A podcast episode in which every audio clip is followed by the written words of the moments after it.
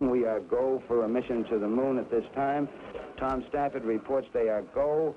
We're coming up in the 20 second mark. T minus 20 seconds and counting. 17 seconds and counting. Guidance internal. 15, 14, 13, 12, 11, 10, 9. We have ignition sequence start. Engines on. 5, 4, 3, 2. All engines running. Launch commit.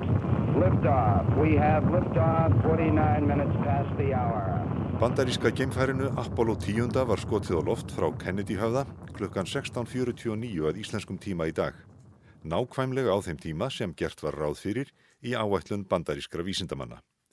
Geimskotið tókst framúrskarandi vel.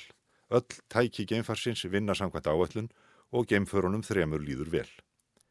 11 mínútum og 43 sekundum eftir að Apollo 10 var skotið á loft var geimfarið komið á rétta braut um hverfisjörðu og geimfararnir þrýr gáttu hafið undirbúning að þeim vísinda aðtugunum sem þeir eiga að vinna að á leiðinni til tungsins næstu þrjá daga.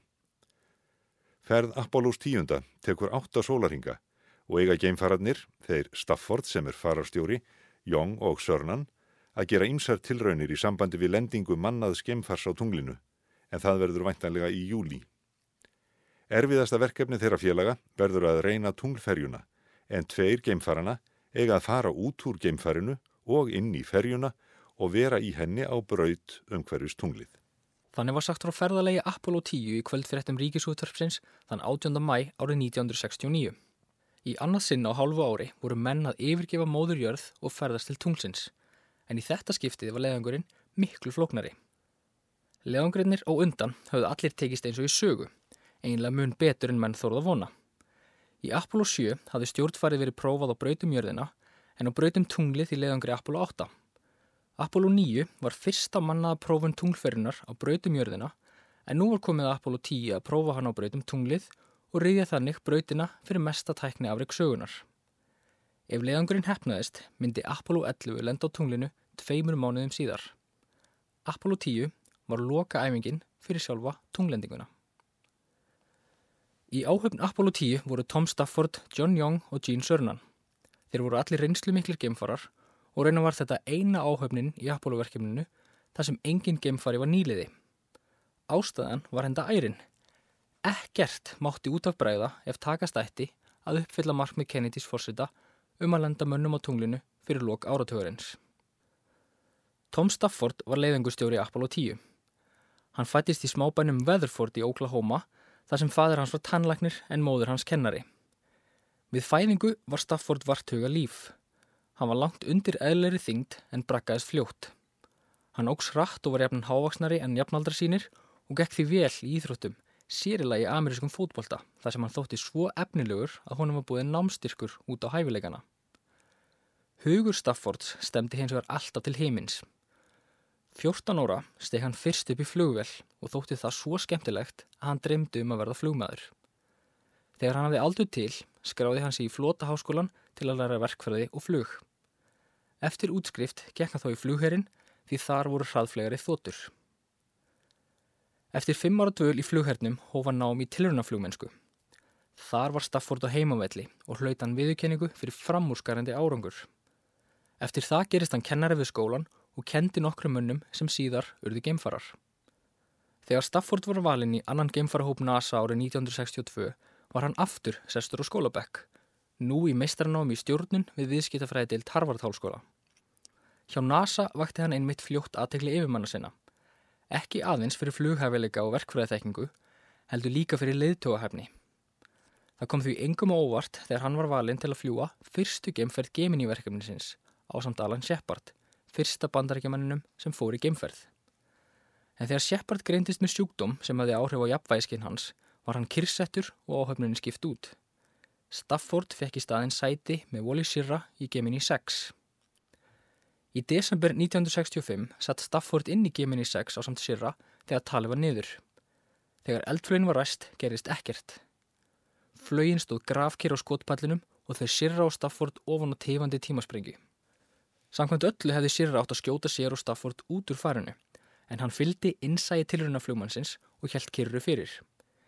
Fyrir vikið var hægt að skjóta Gemini 6 á loft þremu dögum síðar þar sem þeir Sirra og Stafford áttu stefnum út og brautum jörðina við Frank Borman og Jim Lovell í Gemini 7.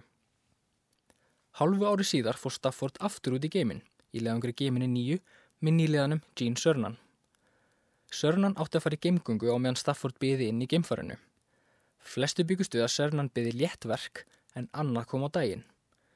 Í rúmar tvær klukkustundir glýmdi Cernan við sjálfan sig. Hann svittnaði óskaplega, var það renn blöytur, döðþreyttur og blindur vegna móðu sem sapnaðist fyrir á hjálmi hans, svo nátti í stökustu vandraði með að koma sér aftur inn í geimfarið. Úti lokað var fyrir Stafford að toga hann inn og í neyðartilviki átti hann að skera á línuna, loka lúni og skilja sörnan eftir í opin döðan. Til allara levandi slukku kom þó ekki til þess. Nú var Gene Cernan tunglferri flugmaður Apollo 10. Þetta var önnur geimferð hans en þriðja geimferð Staffords rétt eins og John Young sem nú var flugmaður stjórnfarsins. Young hafði list Stafford af Holmi í fyrsta geiminilegangrunum í mars ári 1965 á samt Gus Grissom sem síðar lest í eldsóðanum í Apollo 1. Grissom og Young þóttu svipaði personuleikar og náðu vel saman. Í leðangri sínum áttu þeir einfallega að prófa nýja geiminni geimfarið á brautum jörðina. Leðangurinn tókstu vel en í honum vann Young sér litlar vinseldir þegar hann, sársvangur, fekk sér kjötsamluga að borða sem hann hafði smiklað um borð. Grissom þótti það mjög skemmtilegt en stjórnundum á jörðiniri var alls ekki skemmt og fekk Young skammir í hattin við heimkomu. Young fór síðan í aðra gemferð sína árið 1966 þá sem leðangustjóri gemin í tíu. Stafford, Young og Sörnan þekktust í vel og voru góður og samhendir samstagsfélagar. Þeir þekktu vel styrk og veikleika hvers annars sem var ákaflega dýrmætt fyrir þennan hættulega og mikilvæga leðangur. Áhefnin var gríðar vel þjálfuð en um 5 klukkustund af þjálfun lága baki hverri klukkustund sem þeir dvöldu á brautum tunglið. Um tíma veldu yfirmenn hjá NASA fyrir sér að láta Apollo 10 gera tilrun til að lenda á tunglinu. Raunar þrýstu sumir á það. Hver í óskupunum var annars tilgangurinn í því að senda Apollo geimfarið og tunglferina alla leið til tungsins með allir þeirri áhættu sem því fylgdi en reyna síðan ekki að lenda. Eflaus kemur mörgum á óvart en leiðangustjórn Stafford mælti gegn því að Apollo 10 myndi lenda á tunglinu. Hann útilokaði þannig sjálfan sig að verða fyrsti maðurinn til að ganga á tunglinu. En Stafford hafði nokkra góðar ástæður fyrir því. Einn var svo að tunglferi Apollo 10 var þung til að lenda á tunglinu. Hönnun tunglferinnar tók stöðugum breytingum og átti eftir að ganga í gegnum strángan megrunarkúr hjá grömman fyrirtekinu sem hannaði hana. Fyrst tunglferjan var of þung var ekki hægt að taka nægilegt eldsniti með til tungsins til að lenda og taka aftur á stað frá tunglinu. Með öðrum orðum hefði ferðin aðeins orðið aðra leið. Til greina kom að láta áhöfn Apollo 10 fá tunglferina sem var í smíðum fyrir Apollo 11. Stjórnundur í Houston mótmælti því kröftulega. Þeir áttu hilmart eftir ólært áður en hægt var að lenda. Apollo 10 var mikilvægt prófun fyrir stjórnstöðuna og jörðunniðri. Til dæmis hafði aldrei verið haldið uppi samskiptum frá jörðinni við tvö geimfur og sveimum tunglið. Gæta þurfti þess að bæði geimfur getur tala sín á milli og sendu upplýsingar til jörðar á sama tíma og að þau getur tala saman þegar jörðin var úr fjarskiptarsambandi. Gat stjórnstöðin í Hjústón með góðum úti fylgst með tveimur geimförum á brautum tunglið. Það var miklu áhættisamara en á brautum jörðina þar sem geimfarnir gáttu komist heim til tulluauðvöldlega ef eitthvað breyði út af. Aldrei höfðu tvö geimför heldur verið tengt saman á brautum tunglið. Smávægilegt vagg á braut Apollo 8 og ómannaðra geimfara á brautum tunglið hafði líka syngt að margt var á huldum þingdarsvið tunglsins. Vaggið var komið til af stöðum á tunglinu sem voru þjættari í sér en önnursvæði. Þjættusvæðin tóðu með meiri kraft í geimfar sem flög yfir þau. Þetta gæti haft áhrif á samtengingu geimfara og kannaf þurfti hvort svo væri. Allt þetta og meira til var til þess að ákveði var að Apollo 10 skildi ekki lenda á tunglinu. Sörnan viðkenni fúslega að hafa orðið vonsveikin. Hann langaði það jafn mikið á Stafford og allir aðrir geimfariðnir en gerir sér þó fulla grein fyrir að lending væri ekki tímabær. Stafford, Young og Sörnan voru allir sammála þeirri ákverðin að lenda ekki. Þótt lending fari ekki fram var leiðangur Apollo 10 samt sem aða spennandi.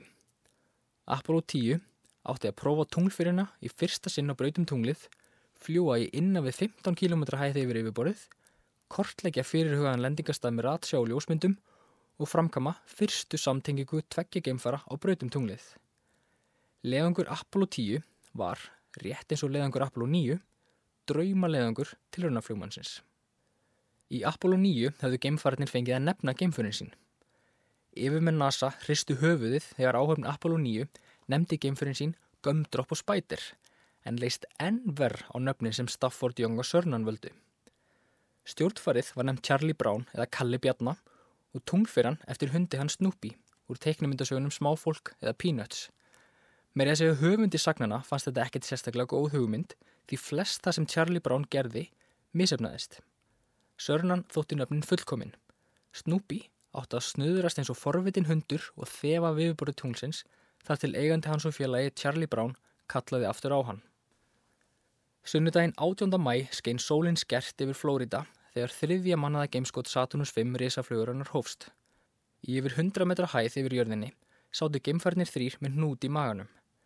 Þegar fyrsta þrepp flugurinnar var ræst, hristist geimfarið óskaplega og hendi geimfurinnum til og frá þóttir að veru tjóðræðar við sætin sín, líkt og þeir varu bráð í geni rándýrs.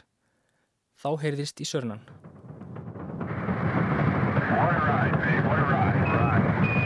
Tveimur mínutum eftir gameskott var fyrsta þreipi losa frá. Við það köstuðu skeimfarni fram í sætum sínum. Stafford kom ekki frá sér orði þegar annað þreipi tók við. Geimförunum leið eins og þeir hefðu lendt í hörðum áraugstri. Annað þreipið hristist enn meira. Geimfarnir óttuðust á köplum að geimfarið myndir hreinlega liðast í sundur við átökinn. 11 mínutum eftir gameskott farið stró yfir. Apollo 10 var komið upp í 190 km hæð og brautum jörðina. Um leið og komið var út í geimin hófst undirbúningur fyrir tunglförina. Þegar gengið hafi verið úr skugga um að allt starfaði sem skildi var þriðja þrepp Saturnus 5 flögurinn að ræst á ný og hraðin auki næjanlega mikið til þess að geimfarið geti yfirgefið jörðina og ferðast til tungsins. Uh, Roger 10, uh, you're go for TLI, uh, S4B's looking as planned. Right on. Frico! Roger, Frico. We confirm the cutoff.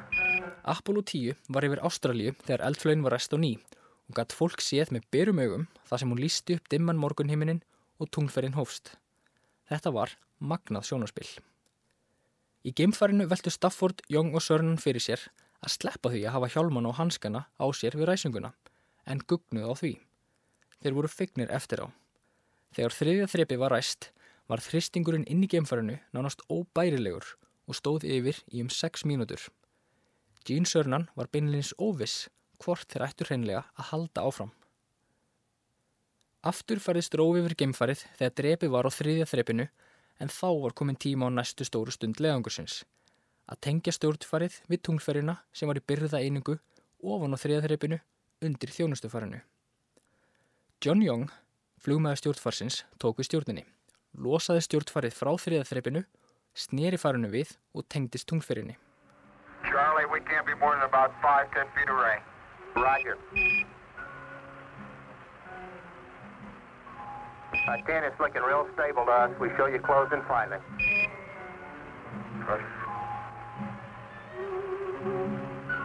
Be docked in a second, I hope. Roger. Uh, 10, uh, Houston, uh, you're looking good. We can see the uh, markings in a rendezvous with it. Looks like you just docked. Roger, we got a capture. You haven't fired yet. Roger. Snap, snap, and we're there. Got two grays. Roger. You saw the docking, Charlie. Í fyrsta sinn voru tvö munnuð geimför á leiðinni til tungsins. Í fyrsta sinn var líka sjónvarpsmyndavel í lit um borð og fylgdust stjórnundur í Hjústón grant með því þegar Charlie Brown tókaði hundin sinn Snoopy úr hundakofanum. Skömmu síðar hófst fyrsta beina útsendingin af 5 frá Apollo 10. Miljónir áhörfunda fylgdust með gemförunum leika listi sínar í þingdaleysinu en áhrifaríkastar voru myndirnar af jörðinni í öllu sínu veldi. Gemfarinnir voru greinilega komnir langt að heiman. Charlie, this is, it, it, it, uh, it's so hard to describe. You can go right up past Alaska and you can see the polar caps Uh, it, it's incredible. Well, we see it all here, Gene. Its uh, colors are really beautiful. That's great. And, and the blackest black that you ever could conceive is the setting for all this. Right. Ferðin til tungsins var róleg og tíðendalítil. Það var einna helst að geimfarnir kvörtuð yfir matnum og drikjarvatninu í geimfarinu. Fyrsta daginn í geimnum átti leiðangustjórnin Stafford að blanda örlítlu magni af klór við vatnið. Ekki vildi betur til en svo að stjórnstöðin í Houston gaf hann um rángar upplýsingur um magnið og setti Stafford því óvart tvöfaldan klórskamt út í vatnið. Þegar Stafford fekk sér morgumverð í fyrsta sinn í ferðinni var bragðið því heldur vond. Klórin allir yngum teljandi vandræðum en það gerði hins vegar gas í vatninu. Í fyrir leiðangrum hafðu geimfarar kvartaði við gasi sem blandaðist við vatnið. Til að koma í vekk fyrir það hönnuðu verkfræðingar nýja vassboka sem átt að skilja gasi úr vatninu. Það virkaði ekki. Geimfarnir hafðu engan sérstakann áhuga á að drekka sótavatn og blanda því við kaffi sitt því gasið gæti valdið slæmum ólgum í magunum með tilherrandi viðrekstrum eða niðurgangi í vestu tilvikum. Á endanum fundu þeir aðeins fyrir smávægilegum óþægjendum en urðu ekki veikir. Vatnið hafði áhrif á matarleist gemfarana. Þegar yfir lauk borðaði áhöfn Apollo 10 minnst allra Apollo áhöfna. Stundum sleftu þeir máltíðum, ekki aðeins vegna vassins, heldur þótti þeim maturinn ólistugur. Til dæmis sögðu þeirra pilsur hefðu bræðast eins og gummi og skildi eftir mikið óbræði munni. Geimfarnir kveður líka fyrir að væta þurkaða matinn vitandi af sótavatninu. Þann 21. mæ, tæpum þremu dögum eftir geimskott, var Apollo 10 komið til tungsins. Geimfarnir fylgdust dolfallinir með gráu og hrjóstrugu en tignalugurlandslægi tungsins líða hjá fyrir neðan. Útsinnið var ótrúlegt.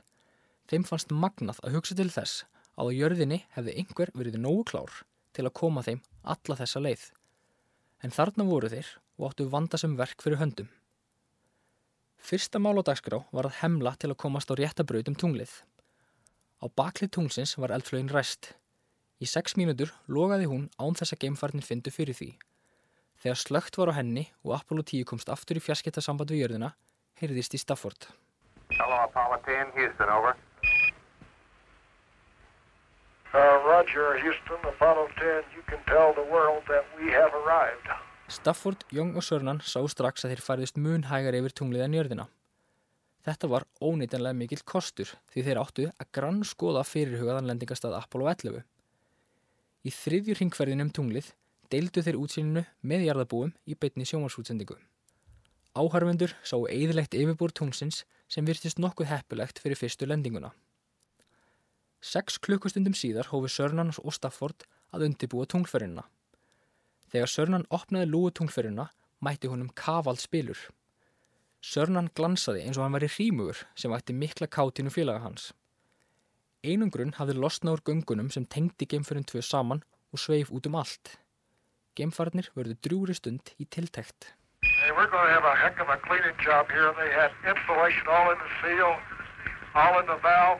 really a heck of a mess up here.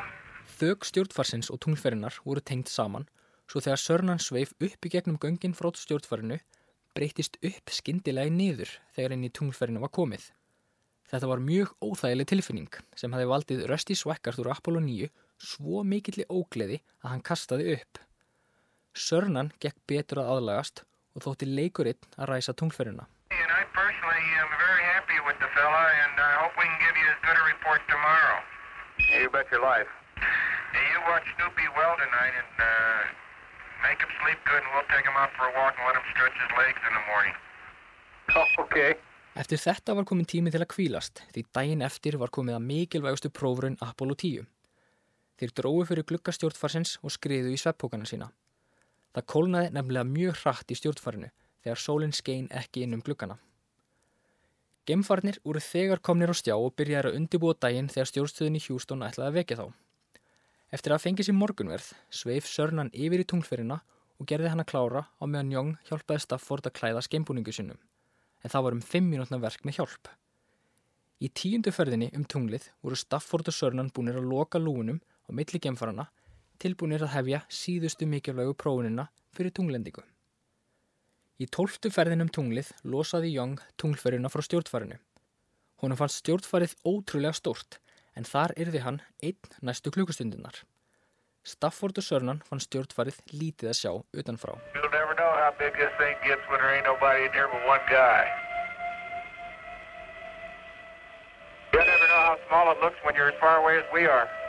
Young tók upp myndavélina svo stjórnstöðin í Houston geti kannad ástand tunglferjunar.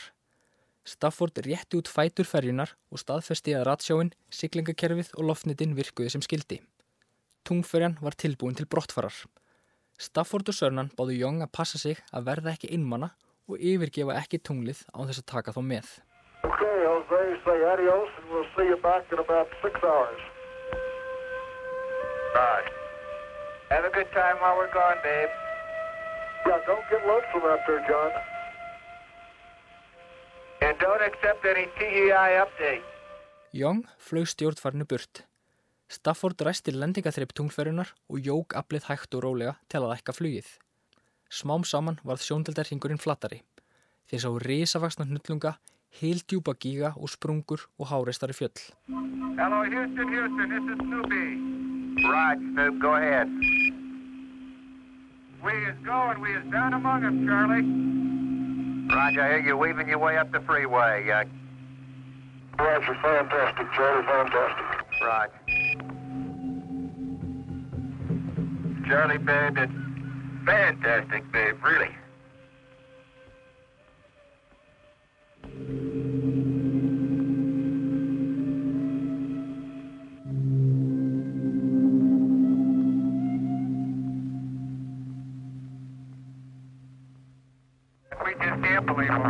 I tell you, Joe, this, this satellite of ours, this moon of ours, had a rough beginning somewhere back there.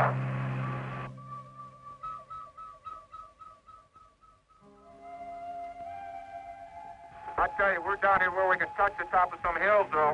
Stafford og Sörnan voru nær tunglinu en nokkur annar í sögunni. Þeir kölluðu nöfn gíga og fjalla þar sem þeir flugu yfir og lindi spenningurinn sér ekki í röddum þeirra.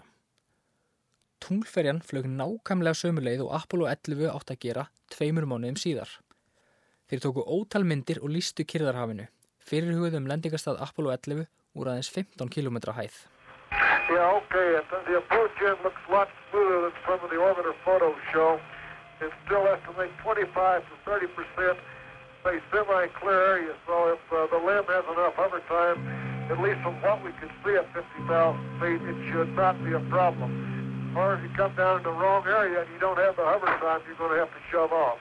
Lendingastæðurinn virtist nokkuð örugur. Young fylgdist með tungferðinni og fjarska með hjálp sjóntækja. Fyrir honum leit hún út eins og stór konguló á flegi ferð yfir tunglinu. Þegar tíu mínútur voru þar til losa áttir lendingaþrepið frá og ræsa flugtaksþrepið, byrjaði tungferðan skyndilega að snúast og velta. Stafford og Sörnan létu nokkur velvalinn blótsýði flakka, augljóslega döðhrættir. Viðvöruna ljós blikkuðu. Í þrjár mínútur var tungferðan stjórnlaus. Stafford nýtti reynslu sína sem tilrunaflugmaður, losaði lendingaþrepið og ræsti flugtaksþrepið og náði þá loks stjórn á tungferðinni. Tungferjan hækkaði braut sína og nálgæðist smám saman stjórnfarið. Stafford og Sörnan fylgdust áhuga samir með fjarlæðinni milli farana tvekja minga, uns aðeins 8 metra skildu á milli og innbyrðis hraði var engin. Þá tók Young við og tengdi stjórnfarið við tungferjina. Hey, Joe, uh, we're about ready to dock. Stand by. Okay, John, you're into about five feet, babe. Looking beautiful. Hello, Houston. Snoopy and Charlie Brown are hugging each other. Roger that. We heard him down here. Stafford og Sörnan hafði verið í burtu í meira en 8 klukkustundir. Þeir kvöttu Snoopy, fóru yfir í stjórnfarið, lokuðu lúunum og losuðu síðan tunglferðina frá stjórnfarinu. Stjórnendur í Houston ræstu tunglferðina á ný og sendu hana, nú ómannaða, burt frá tunglinu á brautum sólina þar sem hún er enn í dag. Geimfarnir voru allir inn í stjórnfarinu þegar óvæntur gestur kíkti í heimsókn. Uh, hver gerði þetta? spurði Stafford félaga sína. Hver gerði hvað? spurði þeir hissa. Hver gerði þetta? spurði Stafford aftur og skelliló. Hvaðan kom þetta? sagði Sörnan. Réttu mér sérvittu sem snöggvast. Það svífur skítakökull hérna, sagði Stafford. Ég gerði þetta ekki. Þetta er ekki einn af mínum, sagði Young. Ég held að þetta sé ekki einn af mínum, sagði Sörnan. Minn var örlíti klistrað en þetta. Hentu þessu burt, sagði Stafford og skelliló með félögum sínum. Þótt búi væri að prófa tunglferðina var enn verk fyrir höndum. Geimfarnir átti að dvelja örlítið lengur á brautum tunglið og gera aðtóanir á mögulegum lendingastöðum. Stafford þótti tunglið tignalega stórskórið og fagurt. Við gátum varla hægt að horfa, sagði hann. Við vorum eins og þrýr apar í búri, sagði Sörnan. Young fannst tunglið búa yfir sérkennilegri fegurð og saðist seint þreytast á að horfa á það. Geimfarnir gáttu séð niður á botn myrkvaðra gíga sem virtust kolsvartir á myndum, því dauf byrta frá jörðinni lísti þó upp eins og tunglskinni lýsir upp nóttin á jörðinni. Í jarðskinni er tunglið stórkoslegt. Það væri hægt að kanna tunglið í jarðskinninu. Þú getur lesið dagblað í jarðskinninu á tunglinu, svo bjart er það, saði Young.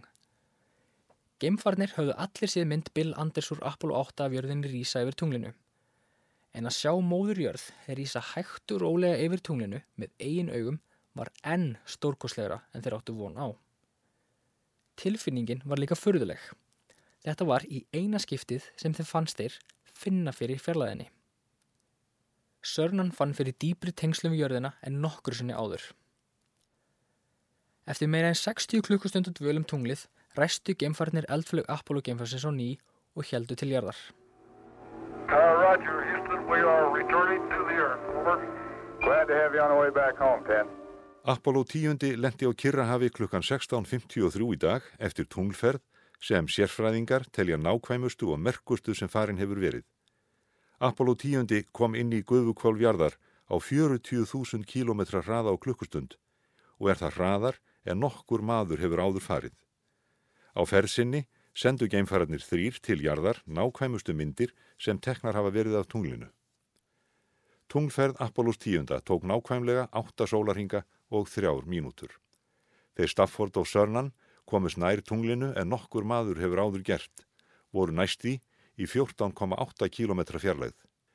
Með þessari ferð hafa bandaríkjaman stíið síðasta skrefið fyrir lendingu á tunglinu.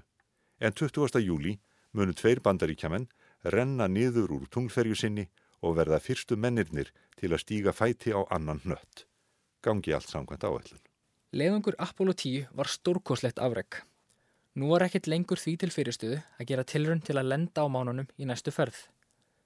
Við vitum að við getum ferðið til tungsins. Við munum fara til tungsins. Tom Stafford, Jong Nyong og Gene Cernan hafa gefið okkur sjálfströstið til að stíga næsta stóra skref, sagði Tom Payne, forstuðum að NASA, innan við klukkustund eftir heimkomi Apollo 10. Áhöfn Apollo 10 var eina áhöfnin þar sem allir geimfarnir fóru aftur í Apollo-leðangur. John Young og Gene Cernan sniru aftur til tungsins þremur árum síðar sem leðangustjórar hvor í sínum leðangri, Young í Apollo 16 og Cernan í Apollo 17. Stafford stýrði seinasta Apollo-leðangrinum, hinnum sögulega leðangri þegar bandaríkjumenn og sovjetmenn tókust í hendur og tengdu Apollo og Soyuz-geimferinn saman á brautum jörðina. Þegar áhöfn Apollo 10 snýri heim til jarðar stóð undibúningur fyrir geimferð Apollo 11 sem hæst. Tveimur mánuðum síðar ætluði bandarækjumenn að uppfylla markmið Kennedy forsita um að lenda mönnum á tunglinu áður en áratúrin væri úti og flytja hann heilan heim til jarðar aftur.